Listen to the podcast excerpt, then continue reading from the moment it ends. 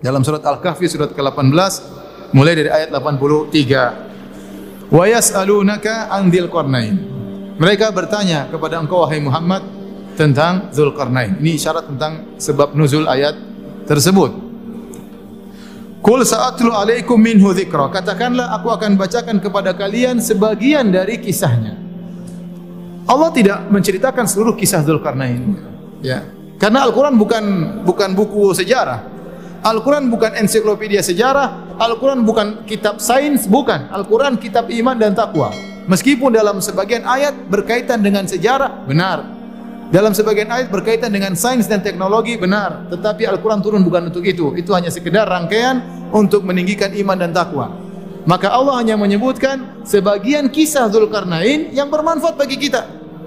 Allah tidak ceritakan semua. Allah tidak ceritakan dia lahir kapan, kemudian istrinya berapa, enggak perlu Allah ceritakan.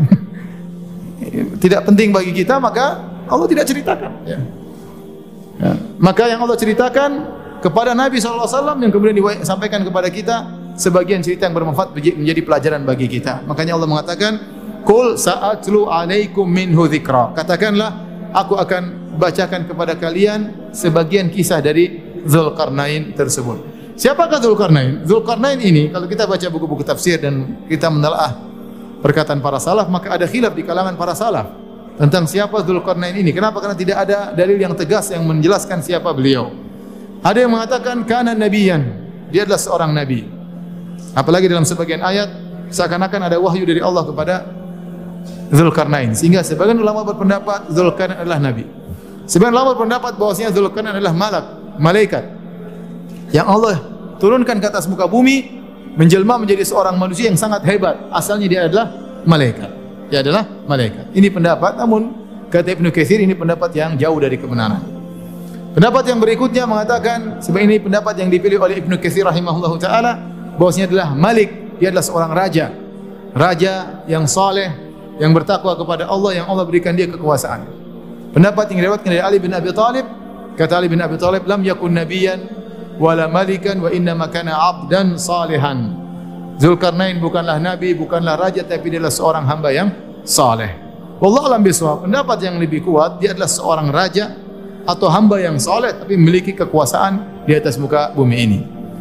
Disebutkan oleh para ulama bahwasanya orang yang memiliki kekuasaan sangat luas di atas muka bumi ini ada empat orang. Dua kafir dan dua beriman. Yang kafir adalah Namrud dan Bukhtanasar Adapun yang beriman adalah Sulaiman dan Zulkarnain. Sulaiman dan Zulkarnain. Ini raja yang kuasanya sampai luas di atas muka bumi ini.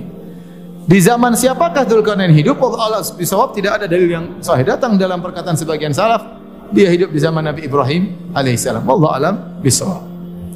Inilah Zulkarnain. Kenapa dinamakan dengan Zulkarnain? Al-Qarn dalam bahasa Arab artinya tanduk. Zulkarnain artinya pemilik dua tanduk. Pemilik dua tanduk. Kenapa beliau rahimahullah dikatakan memiliki dua tanduk? Ini juga ada perselisihan di kalangan para ahli tafsir. Ada yang mengatakan benar-benar beliau punya tanduk. Keluar di atas kepala beliau kanan dan kiri. Ada yang mengatakan tidak, beliau disebut memiliki dua tanduk karena beliau menguasai Persia dan Romawi. Dan Persia Romawi adalah dua kekuatan hebat di zaman tersebut dan dia menguasainya sehingga dikatakan pemilik dua tanduk. Ada yang mengatakan beliau dikatakan pemilik dua tanduk karena beliau berjihad di jalan Allah, maka dibunuh oleh kaumnya, ditikam sebelah kanan, dia pun mati. Kemudian dihidupkan lagi oleh Allah, berjihad lagi, ditikam lagi sebelah kiri sehingga dikatakan dia memiliki dua tanduk karena beliau meninggal dengan dua tikaman di kepalanya. Dan pendapat yang dipilih oleh Al-Hafidz Ibnu Katsir rahimahullah taala bahwasanya beliau dikatakan memiliki dua tanduk karena beliau menguasai timur dan barat. Menguasai timur dan barat, al-masyriq wal maghrib sehingga dikatakan Zul Qarnain. Wallahu a'lam bisawab. Sebagian orang menyangka Zul Qarnain adalah Iskandar Al-Makedoni atau Alexander bin Philips ya, yang mendirikan negara Iskandaria. Namun dibantah oleh para ulama, dibantah oleh Al-Hafidh Ibn dibantah oleh Syekh Islam Ibn Taimiyah rahimahullahu taala karena Al-Iskandar Al-Makedoni yang terkenal atau Alexander ya, yang terkenal raja yang sangat hebat, dia bukan orang beriman. Dia bukan orang beriman. Adapun uh, Zulkarnain adalah seorang yang beriman. Kemudian disebut dalam sejarah Alexander ini memiliki seorang menteri yang ahli filsafat yaitu Aristoteles. Dan kita tahu Aristoteles tidak beragama. Dia bukan beragama Yahudi, bukan beragama Nasrani, apalagi beragama Islam. Maka yang benar Zulkarnain bukanlah Alexander. Zulkarnain bukanlah Al-Iskandar Al-Makedoni sebagai yang dipersangkakan oleh sebagian orang. Ya. Adapun Zulkarnain adalah seorang raja yang beriman yang menguasai timur dan barat dan Allah berikan dia kekuasaan di atas muka bumi. Baik, kita lanjutkan. Allah berfirman, "Qul sa'atlu 'alaikum minhu dzikra." Katakanlah aku akan bacakan kepada kalian sebagian ceritanya. Inna makanna lahu fil ardi wa atainahu min kulli syai'in sababa. Kata Allah, sungguh kami telah memberikan kekuasaan kepadanya di atas muka bumi. Allah memberikan dia kekuasaan dan tidaklah seorang mendapat kekuasaan kecuali anugerah dari Allah Subhanahu wa taala. Dan kami telah memberikan kepadanya jalan untuk mencapai segala sesuatu. Dia punya kemampuan yang luar biasa. Segala sesuatu bisa dia lakukan, dia memiliki persenjataan yang kuat, memiliki pasukan yang banyak, memiliki kecerdasan yang luar biasa, yang seorang raja yang sempurna. Ya. Allah berikan dia segala sebab yang bisa mencapai tujuannya. Dialah Zul Zulkarnain. Kekuasaan diberikan, anak buah diberikan, persenjataan yang kuat, kecerdasan yang luar biasa. Kemudian kata Allah Subhanahu wa taala, "Fa'at ba'asa baba." Maka dia pun menempuh satu jalan. Berjalanlah dia menelusuri bumi, menelusuri daerah kekuasaannya. Hatta idza balagha maghrib syamsi. Sampai tatkala akhirnya dia tiba di maghrib syamsi, daerah barat, tempat matahari tenggelam. Wajadaha tagrubu fi ainin hamiatin. Dia mendapati matahari tersebut tenggelam di suatu ain yaitu sebuah semacam uh, laut yang berlumpur hitam. Fawajada indaha qauma. Kemudian dia pati di situ ada sebuah kaum. Yaitu dia berjalan menuju tempat paling ujung di sebelah barat bumi ini. Setelahnya mungkin adalah uh, lautan, ujung daratan kata para ulama, dia berjalan sampai mencapai ujung daratan di muka bumi ini yang paling barat. Di situ dia melihat matahari tenggelam seperti tenggelam di uh, lautan yang berwarna hitam, ada lumpur berwarna hitam. Tatkala dia tiba di ujung daerah kekuasaannya, wajada indah qauman. Dia mendapati ada satu kaum di situ. Qulna ya dzal qarnain, imma an tu'adziba wa imma an tattakhidha fihim husna. Maka di sini Allah berkata, kami berkata wahai Dzulkarnain. Inilah yang dijadikan dalil oleh sebagian ulama bahwasanya Dzulkarnain adalah wahyu. Karena Allah berkata, kami berkata kepada engkau wahai Dzulkarnain seakan-akan ada wahyu dari Allah kepada Zulkarnain. Tapi ini ada masalah khilafiyah. Ada yang mengatakan tidak lazim seperti Allah berfirman, "Wa auhayna ila ummi Musa an ardi'ih." Kami wahyukan kepada ibunya Nabi Musa untuk menyusui Nabi Musa. Berat, tapi Nabi Musa tidak ada yang mengatakan ibunya seorang nabi. Nabi perempuan tidak ada. Tapi maksudnya ilham. Allah kasih apa? Ilham. Kulna ya dzal qarnain kami katakan wahai dzul qarnain imma an tu'adziba wa imma an tattakhidha fihi musna. Terserah Engkau silakan menyiksa mereka atau kau berbuat baik kepada mereka. Ternyata kaum ini kafir. Kaum ini kafir.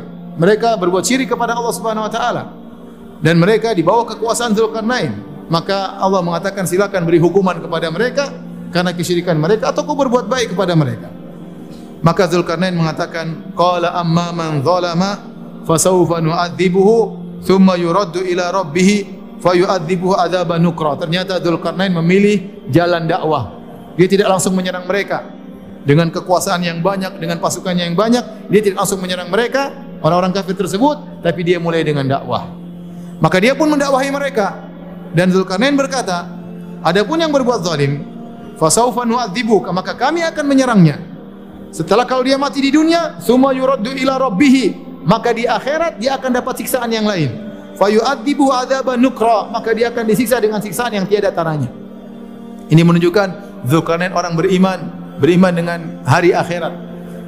Maka dia akan berdakwah yang tidak taat kepada dakwahnya tidak bertauhid kepada Allah maka akan diserang oleh Zulkarnain kalau dia mati di dunia di akhirat dia akan masuk neraka dan diadab dengan adab yang lebih parah. Kemudian kata Zulkarnain wa amma man amana wa amila salihan. Adapun yang beriman menerima dakwaku wa amila salihan dan beramal saleh, falahu jazaa'anil husna, maka dia akan mendapatkan perlakuan yang baik. Wa sanaqulu lahu min amrina yusra. Dan kami akan titahkan kepadanya perintah-perintah yang mudah kepadanya. Jadi tidak wahai yang tidak menerima diperangi oleh Zulkarnain yang menerima maka dibaiki oleh Zulkarnain. Setelah itu Zulkarnain berjalan menuju ke arah timur, ke timur dunia. Summa atba'a sababa. Kemudian dia pun berjalan. Hatta idza balagha matli. Sampailah dia di tempat paling ujung timur di tempat terbitnya matahari. Wajadaha tatlu ala qaumin. Zulkarnain mendapati matahari tersebut terbit pada suatu kaum lam naj'al lahum min duniha sitra. Yang kami jadikan kaum tersebut tidak bisa berlindung dari terik matahari.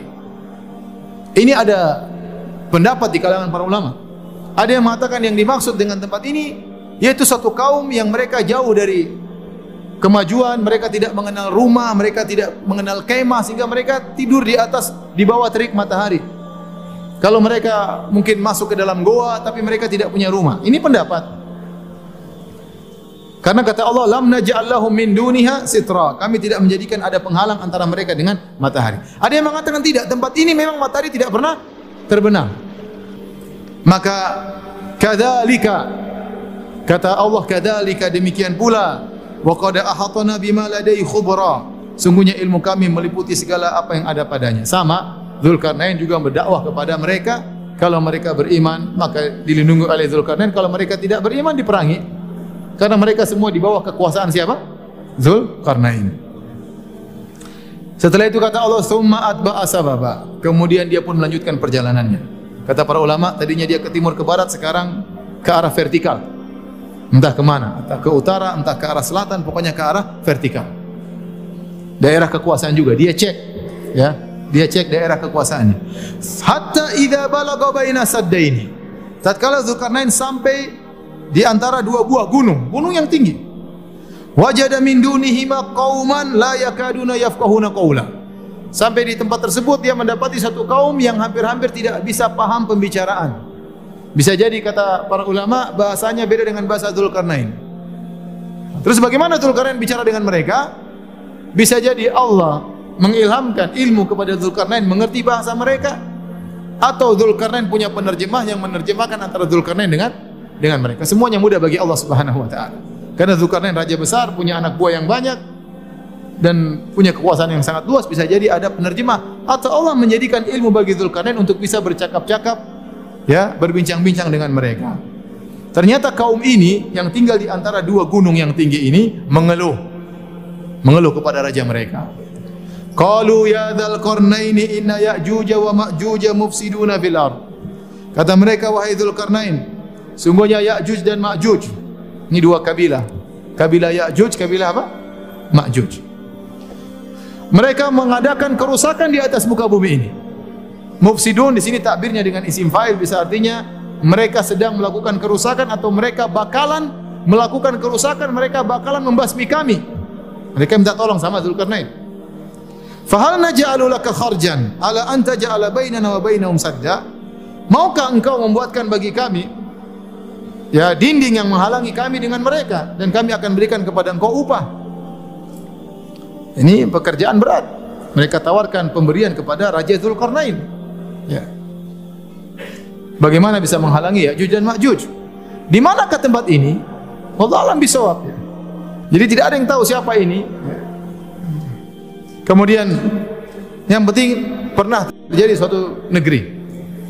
Maka mereka tawarkan wahai Zulkarnain, kami akan berikan kau upah kalau kau bisa menghalangi kami dari mereka. Maka kata Zulkarnain, "Qala ma makanni fihi rabbi khairun." Kata Zulkarnain, apa yang Allah beri kekuasaan kepadaku lebih baik ya. Fa'ainuni biquwah aku tidak butuh dengan pemberian kalian. Tapi tolonglah aku dengan kekuatan. Sungguh-sungguh kalian menolongku. Aja'al bainakum wa bainahum radma. Maka aku akan buatkan dinding antara kalian dengan mereka. Akhirnya mereka setuju. Mereka ingin bantu Zulkarnain. Kata Zulkarnain atuni zubarul hadid datangkanlah bagiku potongan-potongan besi. Ini potongan besi tentu sangat banyak. Ada gunung dua tinggi, bagaimana mau nutupi misalnya dua di, di gunung? Harus diisi besi banyak ini untuk nutupi gunung tersebut. Gak gampang. Kalau proyek itu datang zaman sekarang pun susah. Dengan kecanggihan teknologi, dengan kecanggihan alat berat, belum tentu bisa melaksanakan proyek ini. Suruh tutup dua gunung dengan gunung yang sangat tinggi, kata Zulkarnain, atuni zubarul hadid. Datangkanlah kepadaku apa namanya lempengan-lempengan besi. Makanya sebagian mengatakan ini daerah Georgia atau daerah apa? Karena di situ daerah banyak tambang besi. Ini pernyataan orang-orang sekarang mereka-reka di mana daerah ini. Intinya akhirnya mereka datangkan lempengan besi yang sangat banyak. Entah berapa ton, entah berapa ribu ton yang bisa menutupi dua gunung, bayangkan. Dikumpulkan banyak. Kemudian kata Zulkarnain, hatta idza sawa baina sadafaini. Kalau ternyata sudah rata di antara dua puncak gunung, bukan besi banyak. Qalan fukhu, maka panaskan api tersebut, panaskan besi tersebut, dibakar besi tersebut. Pertanyaan berikutnya, gimana cara bakar besi yang banyak seperti itu? Apinya dari mana? Gasnya dari mana? Jadi karena ini punya teknologi yang kita tidak tahu seperti apa. Ya. Maka disusunlah besi yang begitu banyak, kemudian unfukhu nyalakan api, hatta idza ja'alahu naran sampai kalau besi tersebut sudah terbakar dan mulai nyala api sendiri saking panasnya besi tersebut dia juga mengeluarkan api saking panasnya dan entah melebur entah apa ya sudah panas sekali hatta idza ja'alahu naran sampai besi tersebut menjadi api jadi apinya semua dari dari atas sampai bawah semua sudah menjadi api qala atuni ufrik alaihi qitara kata Zulkarnain datangkanlah kepadaku qitar ada yang mengatakan qitar adalah tembaga, nuhas yang lebur yang sudah menjadi cairan saking panasnya kemudian aku akan tuangkan di atas besi tersebut. Bingung juga gimana cara nuanginnya. Apinya mau dekat saja sudah hangus. Gimana cara nuanginnya? Wallahu alam bisawab. Tapi ini teknologinya Zulkarnain. Kata dia, kalau sudah jadi api besinya, datangkanlah aku cairan tembaga yang sangat panas untuk aku tuangkan di atas gunung besi tersebut. Gimana caranya? Manasin tembaga gimana caranya? Nuangin di atas. Gimana? Oh, panas. Lempar dari jauh nggak bisa, harus dituangkan dengan teratur dan rapi. Sebagian orang mengatakan berarti ilmu tentang metalurgi, uh, tentang metal, permetalan sudah ada sejak zaman dahulu. Bahwasanya kalau besi dicampur dengan tembaga menjadi besi yang sangat kuat. Walau alam kitar di sini maksudnya apa? Tembaga atau apa yang lain yang jelas. Di situ Zulkarnain menggabungkan antara dua logam. Logam besi dengan logam satunya yang menimbulkan satu logam yang baru mengalami reaksi dengan panas yang tinggi, mengalami reaksi menjadi satu logam yang sangat kuat yang tidak bisa ditembus oleh Ya'juj dan Ma'juj. Kemudian setelah itu kata Allah Subhanahu wa taala, "Famasta'u ayyadharuhu wa mastata'u lahu naqaba." Maka akhirnya Ya'juj dan Ma'juj ingin keluar dari gunung tersebut mereka tidak mampu. Kata Allah, "Famastata'u ayadharu." Mereka tidak mampu memanjatnya. Entah gimana, karena saking tingginya atau bentuknya membelok atau bagaimana mereka tidak mampu untuk memanjat memanjat dinding besi tersebut untuk keluar mereka enggak mampu. Wa mastata'u lahu naqaba dan mereka tidak mampu untuk membolonginya, entah berapa tebal dinding tersebut. Dua-duanya mereka tidak mampu. Kata para ulama, di awal ayat kata Allah, "Famasta'u ayyadharuhu." Mereka tidak mampu untuk menaikinya. Wa mastata'u ada huruf tambahan huruf ta yang menunjukkan ziyadatul fi'il artinya lebih sulit membolonginya daripada menaikinya. Dua-dua mereka tidak mampu. Wa mastata'u lahu naqaba. Setelah itu Allah berfirman perkataan Zulkarnain.